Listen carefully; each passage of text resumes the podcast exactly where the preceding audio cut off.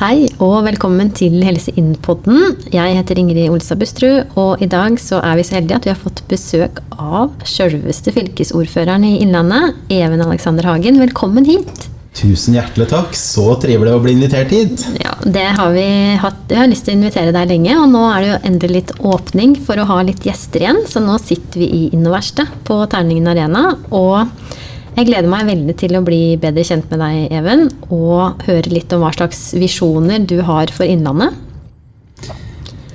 Og eh, du er jo nok kjent for mange, i hvert fall mange som lytter på den podkasten her. Men eh, vi gleder oss til å høre litt mer om deg. Eh, og en, vi hørte jo mye om deg allerede i 2015. Da ble du landets yngste fylkesordfører. Eh, hvor gammel var du da? Da var jeg 27 år. Ja. Så du har blitt noen år eldre siden det, men du er fortsatt i politikken. Og nå er du altså fylkesordfører i den nye Innlandet fylkeskommune. Eh, men kan du ikke si litt mer om deg sjøl først, Even? Jo, det kan jeg gjengjøre. Som sagt så eh, ble jeg jo kasta inn i dette fylkesordførervervet når jeg var 27 år gammel, så det er vel kanskje det fleste har hørt om. Men jeg er fra Otta.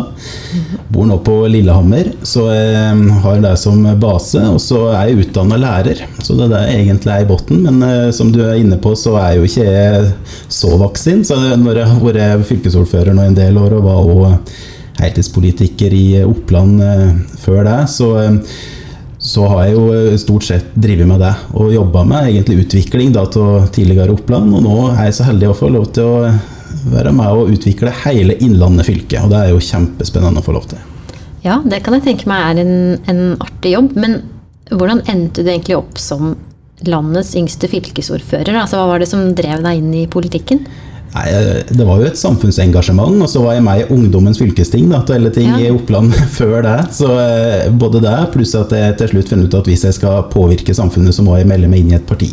Mm -hmm. Så da meldte jeg meg inn i AUF, og eh, ja, ble ganske raskt både fylkesleder i Oppland, kom inn i landsstyret, og så ja, bella det egentlig på seg like at jeg kom inn i fylkestinget og da som vaksepolitiker, eller jeg som 19 år. da. Så det er bakgrunnen for at jeg havna inn i fylkespolitikken. Og så hadde jeg egentlig ja, gradvis da blitt bare mer og mer ansvar, og så er det jo tilfeldigheter som gjør at en havner der en gjør til slutt. Men uh, veldig stor tillitserklæring da, å få lov til å både toppe ei liste og til slutt bli valgt som fylkesordfører. Mm.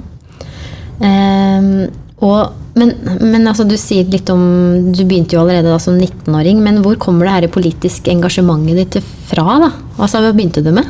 Nei, altså Det var jo skolepolitikk som kanskje var det som jeg brant mest for. For jeg var med i elevorganisasjon, jeg var elevrådsleder. Eh, så jobba jeg jo bl.a. veldig for ja, gratis skolebøk. Jeg var en stor sak når jeg gikk på videregående. Vi betalte jo ganske mange tusenlapper for bøk sjøl, eh, faktisk. Og så er det jo klimasaken, som eh, jeg så på Kykelikokos når jeg var liten og, og var med og sorterte søppel.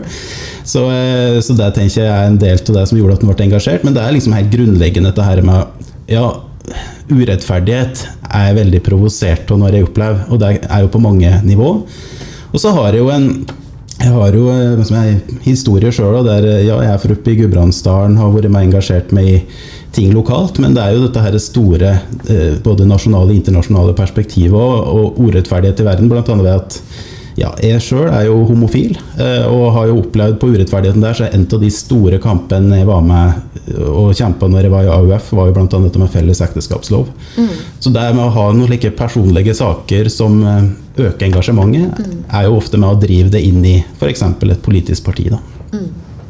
Og nå kan du se tilbake på en over ti år lang karriere allerede som politiker. Eh, og jeg må bare spørre deg om det òg, fordi for noen har kanskje et bilde av deg som reiser rundt med det fine kjedet ditt, holder noen taler, klipper over noen snorer. Mm. Men hva, er, hva innebærer egentlig jobben som fylkesordfører? Ja, det er jo en del av moroa, for å si det slik. Det er å få reise rundt med et kjede og klippe snor. Men nå det siste året har det vært veldig lite snorklipping på Teams. Så det, det, har jo vært mange andre ting. Og det er jo mye møter. fordi at du skal jo både drifte ei fylkeskommune, du skal ja, være den fremste folkevalgte, som både leder fylkesting og fylkesutvalg. Men du skal jo ha det her tette båndet mot ja, administrasjon. Være med og og lede retning for fylkeskommune. Og så er det jo veldig mange som er interessert i å ha et godt samarbeid med fylkeskommuner. F.eks. Helse Inn, da, som jo også har hatt veldig godt eh, samarbeid med, og vært med og, og bygd opp under og utvikla. Og, og det er det jo mange aktører i Innlandet som jeg vil si nyter godt av. At oss kan være med og, og være en nær og god samarbeidspartner. Mm. Så det er jo møter. Eh, det er, når det, ting er normalt, så er det å reise rundt på konferanser. Det er å, å prate med, med, velgere. Det er jo litt slekt med, og litt spesielt med å være politiker og folkevalgt, at du har ikke en fast jobb. Det er ikke slik at du er sikra den jobben for evig tid, og så er på valg med jevne mellomrom. Og da er jo en del av det å være uh, ordfører òg, være synlig og vise frem at vi faktisk får til en del ting. Mm. Og det håper jeg at vi lykkes med, da. Mm. Altså, du har jo på mange måter blitt bildet på det nye Innlandet fylkeskommune, da? For du fikk jo da æren av å bli den nye lederen, altså fylkesordføreren, da Hedmark og Oppland ble slått sammen 1.1.2020. Mm. Så du har hatt den jobben nå i ett og et halvt år ca. Hvordan har det vært å komme inn i den jobben og skulle forene to fylker? Jo, det har vært en kjempestor jobb. fordi at vi eh, har jo to store fylker fra før, som mm. da skulle bli et enda større fylke geografisk. Eh, og det er jo eh, en mangfoldig fylke, vil jeg si. Jeg vil si at det er en av de ja, største fortrinnene vi har. At det er både by og land. Da. Du har mm. både fjell og dal, og du har Mjøsområdet med det urbane, og så har du sørfylket med, med Oslo-nære. Mm. Eh, men eh, det er krevende å skulle endre. Det vet alle som har vært med på store endringsprosesser, at, eh, at det er ikke bare medvind. Men jeg var jo først leder i den fellesnemnda som skulle jobbe med sammenslåinga. Jeg syns jo det var kjempespennende arbeid. Det er jo mange ting som ikke folk ser, som foregår da liksom bak, bak litt i i skyggen. Eh, viktig arbeid med å legge grunnlaget for en ny fylkeskommune. Og så er det alt det som folk følger med på og engasjeres i. Og det er jo en ting at fylkesgrensa forsvinner, men du skal jo lande både navn og lokalisering til arbeidsplasser og et nytt fylkesvåpen og slike ting som det var stort engasjement rundt, da, for det er litt lavere terskel å engasjere seg i. Så, så det har vært krevende år, vil jeg si. Og så kom det jo da en pandemi, da, bare for å gjøre det enda enklere. Men, men jeg har også sagt at uh, at i Innlandet fylkeskommune så var de ansatte egentlig forberedt på det verste etter nyttår 2020. Okay. fordi at eh, en så nok på det her med sammenslåing at det kunne være en del skjær i sjøen. Så jeg tror at oss var faktisk ganske godt forberedt på at det kunne bli litt spesiell tid. Ja. Og på den måten også så har eh, de, med, de medarbeiderne våre håndtert det på en fantastisk måte. Og så har jo hatt eh, folkevalgte møter på Teams, og det har også gått veldig bra. så så vi har klart å levere tjenester. Skolen vår har gått rundt, bussene har kjørt, og mm. tenkeklinikken vår har jobba iherdig med å ta unna det som er. Så mm. jeg tror det har gått ganske bra i Innlandet, til mm. tross for både sammenslåing og, og, pandemi. Tror du at du kan si nå etter ett og et halvt år at dere liksom er ferdig med den sammenslåinga? Nå, nå er vi ett fylke, og så ser vi framover? Eh, oss er ikke ferdig med den, det er jeg helt sikker på. Eh, oss, eh, oss, trenger kanskje flere perioder eh, for å greie å sy dette her sammen. Mm. En ser jo da at oss har løst ting på ganske forskjellige måter. Til tross for at oss hadde det samme ansvaret for ulike viktige oppgaver for folk. så så har Oppland og Hedmark fylkeskommune løst det veldig ulikt. Og I tillegg så har vi fått inn veldig mange dyktige medarbeidere fra Statens vegvesen. Ja. Fordi at vi har tatt over ansvaret for å drifte vår, vår, ja, våre egne veier, rett og slett. Mm. Mm. Innlandet er jo den største fylkesveieieren i landet. Så eh, det er jo en stor del av den nye fylkeskommunen. Så jeg tror vi må ha i hvert fall noen år til før vi kan si at alle går i takt. Men eh, jeg vil jo berømme den jobben som har vært gjort eh, så langt med å, å greie å å samkjøre seg. og En ser jo det på de politiske sakene at mange av de sakene vi har hatt nå første ett og et halvt år, har vært å velge om vi skal gjøre det på opplandsmåten eller hedmarksmåten, eller om vi skal finne en helt ny måte å løse viktige oppgaver på. Mm. Og Nå nevnte du drift av fylkesveier som en viktig oppgave som fylkeskommunen har. Men hva annet er det fylkeskommunen har ansvaret for? Nei, hvis en ser på budsjettet vårt, da, hva er det vi bruker de store pengene på, så er det jo særlig skole. Ja. Og da er det jo videregående skole. Og Sørge for at folk kommer seg ut i lære, f.eks. Være med og sikre at en kommer seg gjennom og får et fagbrev. Vi har jo karrieresentre og det finnes studiesentre der vi er viktige når det gjelder voksnes læring og tenke utvikling i et livsperspektiv. Eh, og så er det jo på samferdselsområdet, med både vei, men ikke minst òg kollektivtrafikken. da. Sørge for at bussen går. Innlandstrafikk er jo en del av oss. Og så er det jo kulturområdet, har oss mange som jobber med. Eh, tannhelse. Og så er det næringsområdet og generelt utvikling. Jeg tenker at der òg er det fortsatt et potensial på å gi fylkeskommunen enda mer muskler, men også er jo den viktige regionale samfunnsutviklingsaktøren. Der oss på en måte har en like, ja, og så har det arbeidsdeling med statsforvalteren. For statsforvalteren er jo den som passer på at staten sine vedtak blir ført, og kanskje har litt mer pekefinger, mens oss i fylkeskommunen er jo det folkevalgte nivået som skal tenke at ting skal skje, og skal være med å dytte på ting så at det både blir skoppa arbeidsplasser og skjer næringsutvikling, og at en ja, får kompetanseøking i fylket vårt. Så fint. Nå fikk vi litt voksenopplæring på forskjellen mellom statsforvalteren og fylkeskommunen, og det tror jeg vi trenger. Eh, eh, og så er det jo sånn at du fikk ansvaret for å, å lede den nye fylkeskommunen i Innlandet, og så har dere jobba med den nye innlandsstrategien, som eh, kanskje noen har lest eller kommentert på.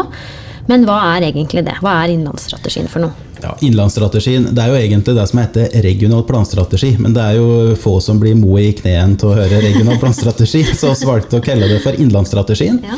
Og nå har vi et nytt fylke, da må vi ha en strategi for hvordan vi bygger det fylket. Så det var bakteppet, og det var et stort engasjement fra kommuner, organisasjoner, næringsliv i utarbeidelsen til den. Og I september i fjor så vedtok fylkestinget innlandsstrategien. Og Det sier litt om ja, hvilken retning skal vi nå gå i. Hva er det viktigste å prioritere i det nye innlandet? Hvor er det vi trenger ny politikk? Så det, det, er jo det viktigste grunndokumentet vi har, rett og slett. Og, og sier jo det i innlandsstrategien at her er det virkelig eventyrlige muligheter. Og skal være flinkere til å fokusere på muligheten og ikke bare se begrensningen. Det er kjempeviktig for meg. Og at eh, ja, også har sagt noe om hva er det vi skal prioritere denne fireårsperioden. Og da har sagt at inkludering er et kjempeviktig stikkord. En, en egen regional plan for inkludering. Det må vi jobbe sammen om. Og så har sagt at vi må ta tak i samfunnssikkerhet. Og så har sagt at klima, miljø og energi er helt mm. grunnleggende viktig. Og dette er liksom temaer som vi nå setter på dagsordenen og har gode prosesser for å sørge for at både regional stat, eh, næringslivet, kommunen og at oss i fylkeskommunen går i takt da, på disse områdene. Så visjonen er rett og slett eventyrlige muligheter. Det er helt riktig. Innlandet eventyrlige muligheter, og at vi skal sørge for at oss tar vår rettmessige plass, da, både nasjonalt og internasjonalt. Eh, og så, den strategien her er jo veldig godt forankra i FNs bærekraftsmål. Eh, og jeg vil anbefale folk å faktisk gå inn og ta en titt på den. Fordi, og man trenger jo ikke å lese hele, men den, er, den finnes som en fin oppsummering òg. Men den er liksom, den, dere går egentlig gjennom litt sånn bærekraftsmåla og hvordan de ulike satsingsområdene henger sammen eller kan forankres opp mot dem. Kan du si litt om hvorfor dere har gjort det sånn? Ja, altså For oss er det viktig å gjøre ting som er i tråd med da, det, ja, de bærekraftsmålene, som jo er egentlig verdens oppskrift på hvordan vi skal kunne overlate jordkloden i ja, minst like god stand da, til neste generasjon. Og eh, En ting er jo det de prater om, da, disse her internasjonale topplederne, men, men det er jo faktisk lokalt og regionalt mye til dette her må skje. Så Derfor så har vi sagt at det må ligge til grunn. Og vi kan ikke drive med ting som direkte bryter med noen av bærekraftsmålene. Så det har vært viktig for oss, og jeg opplever også at eh, fylker og kommuner andre plasser har liksom tatt inn over seg det. Eh, og det handler ikke bare om klimaspørsmålet. Altså Mange tenker jo på bærekraftsmål som at ja, det handler om klima og noe greier. Men det handler jo om så mye, for det handler bl.a. om velferd, helse, at det hele grunnleggende behov skal dekkes. Det handler om at en skal ha gode plasser å bo, gode samfunn. Og gjøre ting på en bærekraftig måte, altså ikke slippe ut for mye utslipp eller bryte ned naturen vi har rundt oss. Så mm. Det er derfor vi mener at det er viktig å legge til grunn når vi skal bygge et nytt fylke. Og det er litt eh, fint at du sier, tenker jeg, eller du har jo med deg den grønne visjonen din inn, men FNs bærekraftsmål er mye mer enn enn det grønne skiftet. Eh, og det handler jo, som du sier, minst like mye om fordeling av eh, gode helsetjenester, at det skal være godt å bo i lokalsamfunna, bærekraftig utvikling av byer og, og bygder. Utdanning, likestilling. Eh, globalt, men også regionalt og lokalt. Da. Så jeg syns det er veldig morsomt å lese hvordan dere har klart å henge det på alle, alle bærekraftsmåla. Og så er det jo da pekt ut fire satsingsområder med de her fire i-ene. Eh, innbyggere, innovasjon, inkludering og infrastruktur. Så jeg tenkte også prate litt mer med deg om det. da. Eh, For det første, satsingsområdet innbyggere. Det begrepet er vi også veldig glad i i Helsin. Ikke brukere eller pasienter, men vi er jo alle innbyggere. Eh, Kan du si litt om først, altså, hvor mange er det som bor i Innlandet? Hvem er de her innbyggerne våre? Nei, oss har jo 380 000 innbyggere, eh, så det er på en måte Ja, det er, det er brukbar størrelse. Flere enn det bor på Island, pleier jeg å si. Bare for å sette det inn i et perspektiv. og si jo ofte at og geografisk er det større enn Danmark, men også er det faktisk større enn Island på innbyggere. Da. Det er, alt er relativt. Men, eh, men ja, innbyggere er det viktigste av de fire i-en, vil jeg si. Fordi at innbyggerne må oss eh, alltid tenke på hvordan skal vi legge best mulig til rette, både med tjenester og at det skal være godt å bo eh, hos oss. Så, jeg, så har jeg også sagt at vi må være flinkere til å fokusere på dem som faktisk bor i Innlandet. Ikke hele tida jage etter dem som ikke bor her. Fordi at eh, ved å legge godt til rette for dem som, som jo både jobber og utdanner seg og, og lever livet sine her, så, så kanskje en konsekvens av det da, er at mange andre òg vil se at her er det godt å, godt å tilbringe tida si. Og så En ting er jo dem som bor her fast, men det er ganske mange som bruker mye av tida si her. Altså fritida si her, altså deler av livet sitt. Og eh, oss har jo nesten 100 000 fritidsboliger, f.eks. Så jeg merker jo da at selv om folk ikke har bostedsadressa til Innlandet, så har de ofte et forhold til Innlandet. fordi at enten så har de hytte sjøl, eller så har familien hytte, eller noen andre de kjenner hytte som de har vært på. Eh, og det skal vi også ta på alvor at det er mange gode innlandsambassadører, i tillegg til oss som har bostedsadresse her. Da. Så eh, dette er viktig å, å jobbe med framover. Hvordan legge oss best mulig til rette for innbyggeren. Og da for vår del så er det jo selvsagt skole og buss og disse her primærtjenestene våre, men det er jo òg helsetjenester og at en har jobb og disse her helt grunnleggende behovene. Men eh, ja, Du sier at er det er 380 000 innbyggere, men noe, er det befolkningsvekst, eller har vi fraflytting, eller hvordan er det bildet? Det er ganske flatt. Eh, like Innlandet totalt sett er litt for stabilt, for å si det på den måten. fordi at eh, i mange andre fylker så er det like en gradvis økning i befolkningstallet. Mm. Mens her er det ganske flatt. Og det handler om at vi har mye distrikt. Og i, i mange distriktskommuner så er det jo eh, innbyggernedgang, dessverre. Mm. Og da eh, Jeg så vel på tallet nå som eh, de 46 kommunene i Innlandet, så er det vel 33 som har befolkningsnedgang. Og det sier litt om eh, dimensjonen her. Og så er det jo særlig i byene våre og rundt Mjøsa og inn mot Oslo-området at det er eh, mer positiv utvikling, da. Så jeg tenker at eh, oss må være bevisste på det, men oss må samtidig ikke bli for destruktive i tankegangen. da. Oss må heller tenke at ja, det er nå fortsatt veldig mange som bor her. Hvordan kan vi legge godt til rette for det? Og så er det selvsagt litt krevende, fordi at eh, innbyggertall henger sammen med økonomi. Slik er det både i kommunen og slik er det også i fylket. Så det er fordelen med at vi kunne blitt nogre flere. da. At vi kunne også fått litt bedre økonomi til å sikre gode tjenester. Men um, du snakka jo litt om det med å gjøre Innlandet til et attraktivt sted å bo. da. Åssen er det fylkeskommunen kan bidra til det? Nei, altså, oss eh, har veldig stort fokus på arbeidsplasser nå. Det har vi hatt hele tida, men særlig nå i forbindelse med at vi har vært gjennom en pandemi som har vært knalltøft for næringslivet, så må vi eh, sikre at vi har arbeidsplasser her.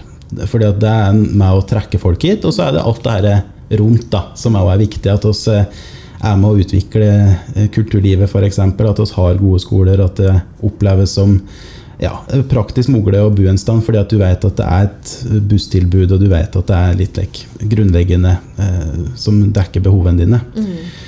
Og så er det jo veldig trivelig i Innlandet, da. altså, Ja, har jo er undersøkelser som viser at eh, folk i Innlandet trives faktisk bedre enn mange andre plasser i landet. Og det er nok eh, ja, oss kan med rette si da, at her kan du leve det gode liv. Du kan både få de urbane eh, behovene dine dekt, men du kan òg ha kort vei ut i natur og opp på fjell, og, eh, og det som òg er med å ja, berike livet ditt. Da. Men ser du noen utfordringer i at, som du sier, vi stor grad av fraflytting, og at mange av de unge som flytter tilbake, er vel ofte til de større byene? Er det noe mm, som du tenker at man kan gjøre annerledes for at flere unge flytter tilbake til eh, også de mer utkantkommunene? Ja, jeg, synes jo, jeg ser jo mange gode initiativ, og det kommer jo ofte fra de yngre voksne sjøl, for å si det på den måten. Litt jevneldringer til oss da, som tar eh, initiativ lokalt. og Det kan handle om alt ifra liksom, å bygge noe nettverk. Eh, være mer bevisst på at hvis det kommer tilflytting, så står du der med opegga armer og faktisk si at eh, oss vil gjerne henge med det. Mm. Det er spennende å høre hva du eh, ønsker å, å, få ut av ditt liv her. Mm. Og så er det nok eh, Ja, det er noen trender i samfunnet som gjør at eh, det har vært sentralisering over mange år, og at demografien har gjort at eh, veldig mange av dem som bor i Innlandet, begynner å bli godt voksne. Ja. Men jeg tenker jo at det skal man både legge godt til rette for, og planlegge for at det er utviklingen. Samtidig så tenker jeg at oss er egentlig godt plassert geografisk for å kunne ta en del av den veksten, når vi nå ser at stadig flere faktisk flytter ut til Oslo, f.eks. Altså, mm. Særlig barnefamilier, andre med som gjelder etableringsfase, søker seg litt ut fra de store byene. Og så er det jo ikke så langt nordover, da, fra Oslo og Gardermoen mot, mot eh, Innlandet. Så jeg tror det ligger noen muligheter her, og det blir jo stadig bedre forbindelse innover, både vei og bane. Og det blir jo nye, spennende arbeidsplasser her eh, en ser jo at det er sterke kompetansemiljøer som bygger seg opp, og, og en har høgskole, universitet, eh, fagskole, som jo er veldig framoverlente. Mm. Eh, så jeg, jeg, tenker at det er grunn til å se lyst på framtida, sjøl om det har vært litt krevende år akkurat med befolkningsutvikling. så mm så er det all grunn til å faktisk prate om eventyrlige muligheter. Og så mm. er det jo bare å invitere folk inn da, og være med og realisere dem. Mm. Ja, så fint. Da fikk vi snakka litt om disse innbyggerne våre. Um, og så må vi prate litt om innovasjon. Mm. Uh, for det er en viktig del av, uh, av innlandsstrategien. Og spesielt det med innovasjon i offentlig sektor løftes fram som et viktig satsingsområde. Uh, hvorfor er det viktig, tenker du? Hvorfor må vi jobbe med innovasjon? Oh, det er kjempeviktig. og så må vi jo utvikle oss. Det er en del av det å henge med i utviklingen hele veien. Og um, næringslivet har jo egentlig gått litt framfor her. For i næringslivet er det jo mer brutalt. Jeg, jeg vet jo det at jeg har vært på besøk både i Kongsvinger-regionen og på Raufoss og pratet med dem som jobber der og egentlig opererer i et internasjonalt marked. De, de vet at hvis de ikke er innovative og utvikler seg, så vil de sakke akterut. De mm. kan ikke gjøre det på samme måten i morgen som de gjorde det forrige uke. Og, og, det er noe som vi må lære av òg i det offentlige. At vi kan ikke bare snu bunken og gjøre ting på samme måten som vi har gjort før, for da vil vi sakke akterut. Mm. Så jeg tenker at eh, når også innlandsstrategien vår er så tydelig på at oss må lære av næringslivet, oss må være innovative, så, så, handler det om å legge til rette for innbyggeren og gi gode tjenester. Mm. Og at en tar i bruk nye hjelpemidler for å ja, få til det. Og at en jobber på en litt annen måte. Så jeg tenker jo Der er jo dere mer, mer, eksperter enn en mange av oss. For at det er jo ja, en grunn til at vi har vært med og, og ja, støtta så tydelig opp om Helsinn. At en er nødt til å være innovativ òg i det offentlige. Mm. Det er litt artig at du sier at, at vi har mye å lære av industrien. Eh, og det er litt den koblingen vi har gjort på Gjøvik òg, med, med verkstedet vårt der. Hvordan kan eh, helsesektoren, kommunal- og spesialisthelsetjenesten lære av industrien, eh, som har vært mer konkurranseutsatt da, på hele eh, ja, endringer og innovasjonsprosesser som skal gjøres. Og det er liksom morsomt at du sier. Og så så trekker du fram det med Eller det står i hvert fall i, i strategien. Det med nettverk og samarbeid på tvers er uh, viktig. Og da er jo vi glad for at fylkeskommunen da bl.a. peker på Helse Inn og de andre klyngene i Innlandet, at dere har vært med å bygge opp de, da. Um, men hvordan tenker du at fylkeskommunen kan stimulere til innovasjon, da? Ja, det er jo et stort spørsmål. Men jeg tenker jo at eh, det er jo ikke oss som skal gjøre alt sjøl, og skal være med og støtte opp under de aktørene som kan få det til å skje. Mm. Og det er jo nettopp på den måten du sier. Klynger, være med og ja, legge til rette for at folk prater sammen. Og så er det jo oppfordre til at folk deler. Mm. Altså, det er jo ikke sitte med som å ruge på sine, sine, greier, men å være mer åpne og, og bygge kultur for å dele og mm. utvikle din annen. Og tenke at det som jeg kan hjelpe med som den naboen med, det, det, er noe som kan gagne meg til neste omgang. Mm. Så, eh, så, jeg tenker at det er det som egentlig er innovasjon. da, Å bryte ned siloer, bryte ned med barrierer, mm. slik at en eh, kommer sammen og prater sammen på en ny måte. Der har vi nok vært for dårlig mange. Jeg tenker bare Innad i ei fylkeskommune så er det helt tydelige siloer. Mm. Uh, og at det kan skje ganske mye spennende ja, uansett hva du kaller det, om du kaller det innovasjon, men at når det prater sammen folk på tvers, så kan du begynne med nye ting. Og du kan gjøre ting enda bedre. Og det er vel egentlig det som er innovasjon i praksis. Da. Ja, så det å komme seg litt ut av siloene sine, det er nok eh, litt lettere kanskje når det ikke må foregå digitalt. Så vi drømmer jo alle om en høst som er full av eh, fysiske møter, og at vi kan eh, møte folk på tvers for, for å få til den samskapinga som vi bl.a. brenner veldig for i Helsin. Um, men vi må også prate litt om den eh, tredje i-en, da, om det er inkludering. Jeg tror vi har et engasjement begge to, men altså eh, Vi vet jo at vi har noen utfordringer i Innlandet når det gjelder ungt utenforskap. Vi har en stor andel unge som står utafor skole og arbeidsliv. Vi har dessverre noen av kommunene i Norge med flest andel unge uføre. Um, hva tenker du rundt det her? Ja, jeg, ja, jeg er veldig enig. Det er en kjempeviktig del av arbeidet vi nå gjør, og inkludering brenner veldig for sjøl. Og det handler om at vi må bygge et samfunn med, med mindre forskjeller, rett og slett, og sørge for at alle er med i fellesskapet. Og, og som du sier, det er store utfordringer knyttet til at folk står utafor arbeid, står utafor utdanning. Særlig i deler av Innlandet så har den andelen vært veldig høy. Og jeg tenker nå i forbindelse med at det har vært permitteringer og at folk i verste fall også har mista jobb i krevende tid nå, så, så er det ekstra viktig å løfte det helt øverst på agendaen. Men hvorfor er det sånn, tror du? Hvorfor har vi en så stor utfordring med det her i Innlandet? Nei, altså det er sikkert sammensatt, men det, er jo, det henger jo sammen mange ting. En ser jo at eh, det er overrepresentert eh, på statistikk hos Nav, og det er jo med som en deler av det ja, Det kan være sammensatte grunner til at en havner utafor arbeidslivet, f.eks. Men, men det vi vet, etter å ha gått litt i sømmen på det, er jo at ja, hvis du legger til rette, så er det en voldsom, eh, en voldsom, eh, et voldsomt potensial da, i det å bruke ressursene sine hvis du får lov til å yte etter evne. Og ikke like svart-hvitt-tenking med at enten så er du i full jobb, eller så er du ikke i jobb. Så det tenker jeg er viktig framover. At en legger godt til rette for å inkludere et, i så stor grad som mulig. Mm. og det tenker jeg er en del av det å være innovativ. Da. Og se folk som ressurser, men at en tilpasser hva du forventer til, til den det gjelder.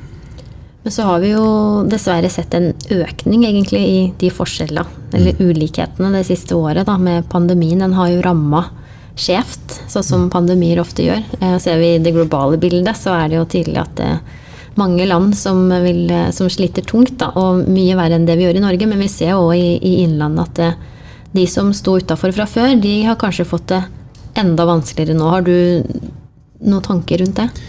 Ja, absolutt. Og det gjelder jo helt konkret eh, jobb og inntekt, men det, det gjelder jo mange aspekt i livet. Og eh, jeg er jo opptatt av dette her som går på eh, helse, både den fysiske, men ikke minst den psykiske helsa. Og vi har jo nå tall på det at de som hadde det tøft fra før, som du sier, de har bare fått det enda tøffere.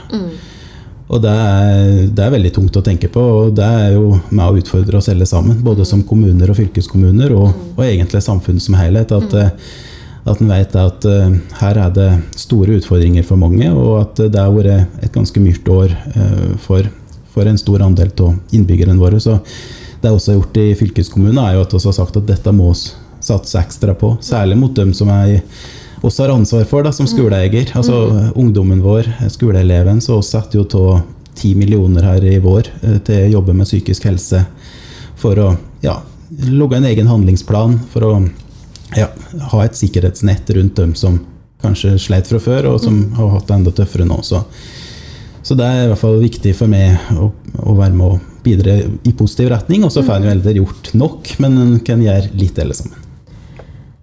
Har dere gjort noe en, ja, altså Dere har en større satsing på psykisk helse. Er det noe annet dere har gjort nå siste året for å på en måte demme opp litt for de eh, konsekvensene som pandemien har hatt?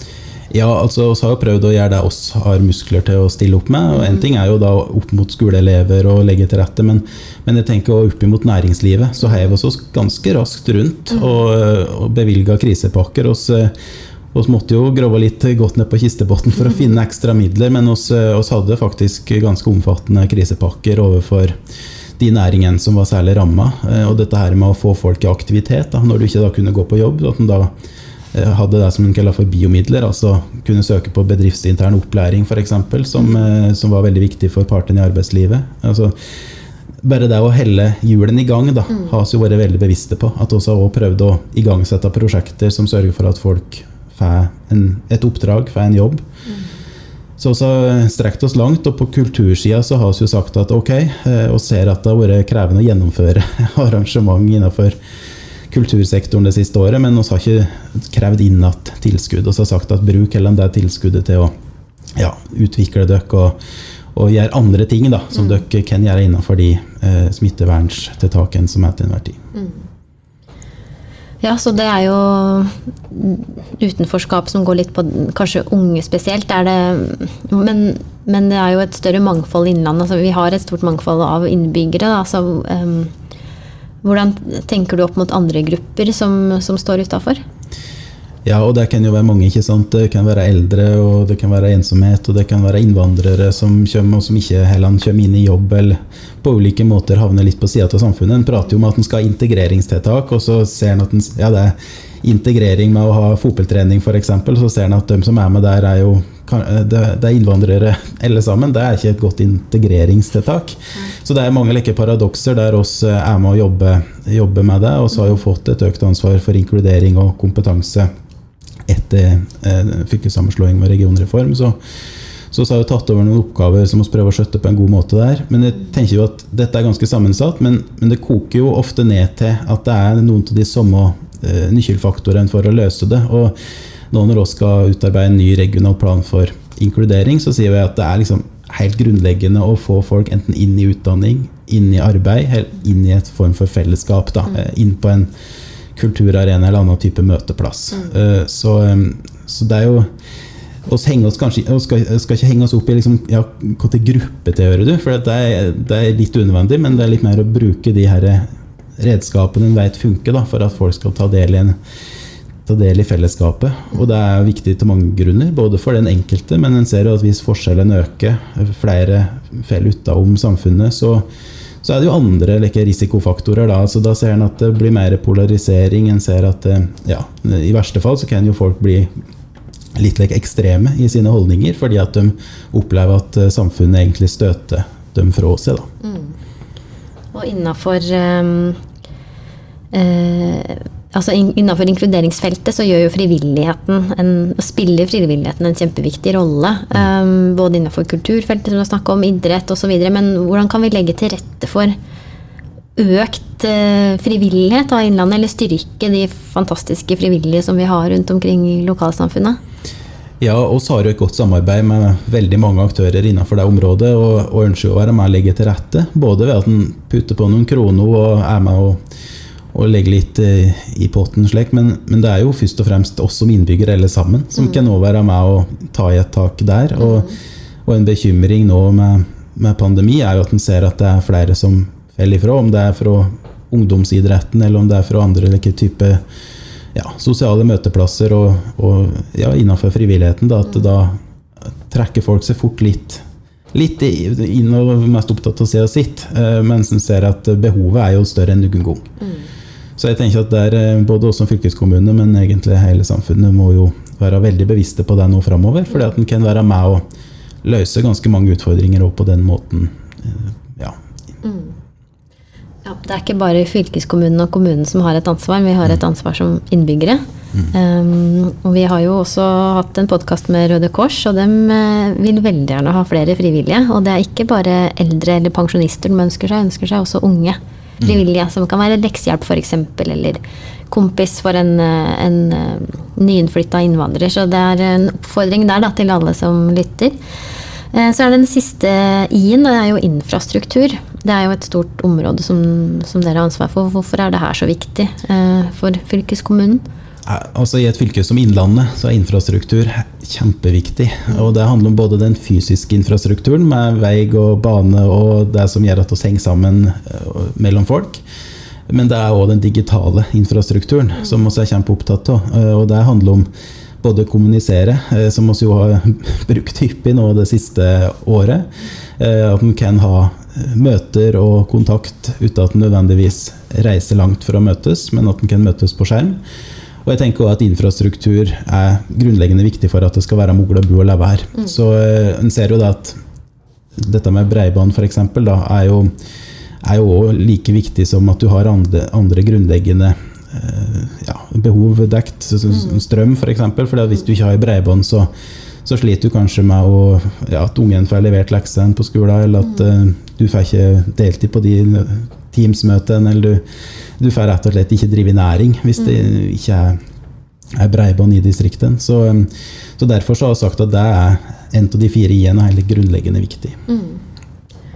Ja, og det har jo fylkeskommunen jobba godt med over mange år, med å bygge ut eh, bredbånd bl.a. i hele fylket. Og det er jo noe vi ser på som viktig hvis vi skal nå målet om at alle skal ha lik tilgang til gode velferdstjenester eller helsetjenester. Da er faktisk, som du sier, skal du få levert leksene dine eller eh, eh, logga deg inn på helsenorge.no, eller eh, kanskje få digital gjennomoppfølging fra sykehuset. Da er du avhengig av eh, god nettdekning der du bor, da. Så det er eh, absolutt viktig, og en, eh, en viktig faktor for at folk skal kunne bo i hele det her store fylket vårt. Da. Men da begynner vi å nærme oss slutten, Even. Men hva, altså, eh, må jo bare spørre deg, hva er det som er så eventyrlig da, med Innlandet? ja, ja altså jeg, har jo, jeg er jo født og oppvokst her, så jeg syns jo at Innlandet er fantastisk. Men det er dette med at vi er et mangfoldig fylke. Det er bare å høre på Kantos eh, prate. Det er et stort spenn i dialekter, og du kan oppleve ganske mye forskjellig. Bare ved å reise fra ene utkanten til andre. Hvis du tar en tur fra Eidskog og nordover mot Skjåk, så har du opplevd ganske mye på den turen. turen. Og så er det fort gjort å veldig trekke fram eh, at vi har så fantastisk natur. og alt det, men, men det jeg har lyst til at vi skal fokusere mer på, er jo at det er så mye bra folk. Altså joviale, trivelige, kunnskapsrike folk som eh, bor i Innlandet, og som jobber med veldig mye forskjellig, men, men til sammen så er det utrolig til kompetanse som sitter i folk i Innlandet. og og den hevder seg jo både nasjonalt, men også internasjonalt på veldig mange områder. Og så er og så, ja, også har vært innom industrien, men vi har jo også cyber- og informasjonssikkerhetsmiljøer, så har bioøkonomimiljøer, og så er jo på en måte Norges matfat mm. med alt å sitte på av ressurser. Eh, og så er det slik at vi har et fantastisk levende kulturliv, et eh, reiseliv som eh, mange kommer hit for å være med og oppleve og ta del i. Så, så det er liksom summen til alt dette her som gjør Innlandet veldig eventyrlig. Altså. Så jeg håper at eh, enda flere får øynene opp for det framover. Det var en veldig god eh, salgspitch da, for Innlandet. Både å kanskje legge ferien hit, men òg prate med noen av de fine folka som bor her. Det har vært veldig fint å ha deg på besøk, Even. Og så takker vi for at du kom, og for at du delte tankene dine med oss. Og håper vi at vi ses igjen om ikke så lenge. I like måte.